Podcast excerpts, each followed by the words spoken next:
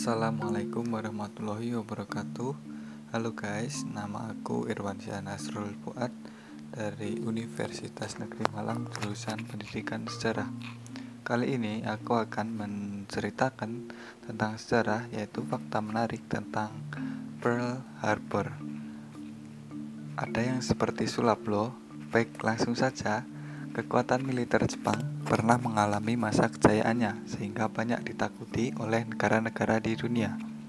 Kekuatan militer inilah yang digunakan Jepang untuk menyerang Pearl Harbor yang merupakan pangkalan angkatan laut Amerika Serikat yang berada di Pulau Oahu, Hawaii pada 7 Desember 1941.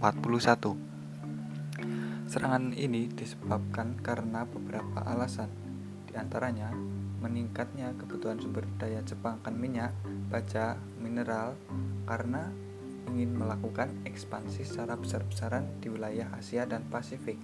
Namun, Amerika juga memiliki kebutuhan yang sama besarnya akan sumber daya ini, sehingga menetapkan pembatasan bisnis dengan Jepang.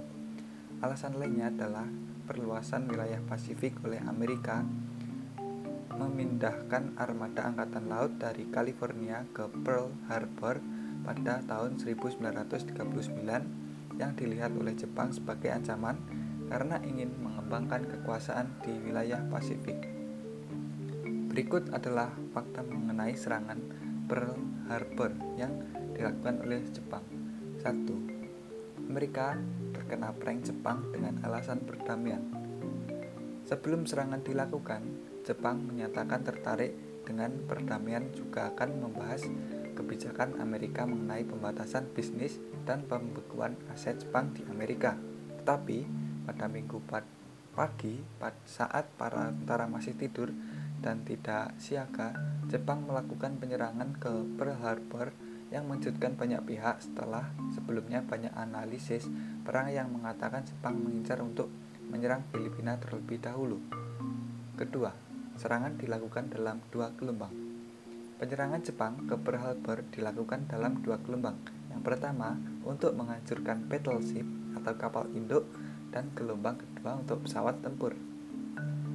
Perencanaan serangan yang ditargetkan Jepang sebenarnya tiga gelombang, tetapi setelah mempertimbangkan beberapa faktor, termasuk jumlah sisa pesawat, tem pesawat tempur Jepang yang masih bertahan, maka serangan gelombang ketiga tidak jadi dilakukan.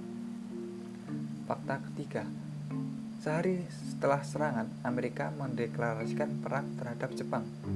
Pada tanggal 8 Desember 1941, tepatnya sehari setelah penyerangan pangkalan laut Amerika di Pearl Harbor, Kongres Amerika Serikat memberikan voting untuk say war terhadap Jepang dan hasilnya semua anggota Kongres setuju kecuali satu orang yakni Janet Rankin of Montana yang menolak Amerika terlibat dalam Perang Dunia.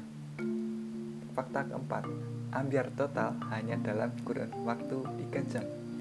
Akibat serangan itu, Pearl Harbor seperti pangkalan laut terbesar milik Amerika Serikat dinyatakan lumpuh total dengan tenggelamnya 7 kapal perang, rusaknya 344 pesawat tempur, dan memakan korban jiwa sebanyak 2.403 orang dan melukai 1.178 orang setelah dibombardir melalui serangan udara dalam waktu 3 jam. Wah, sudah seperti sulap saja ya.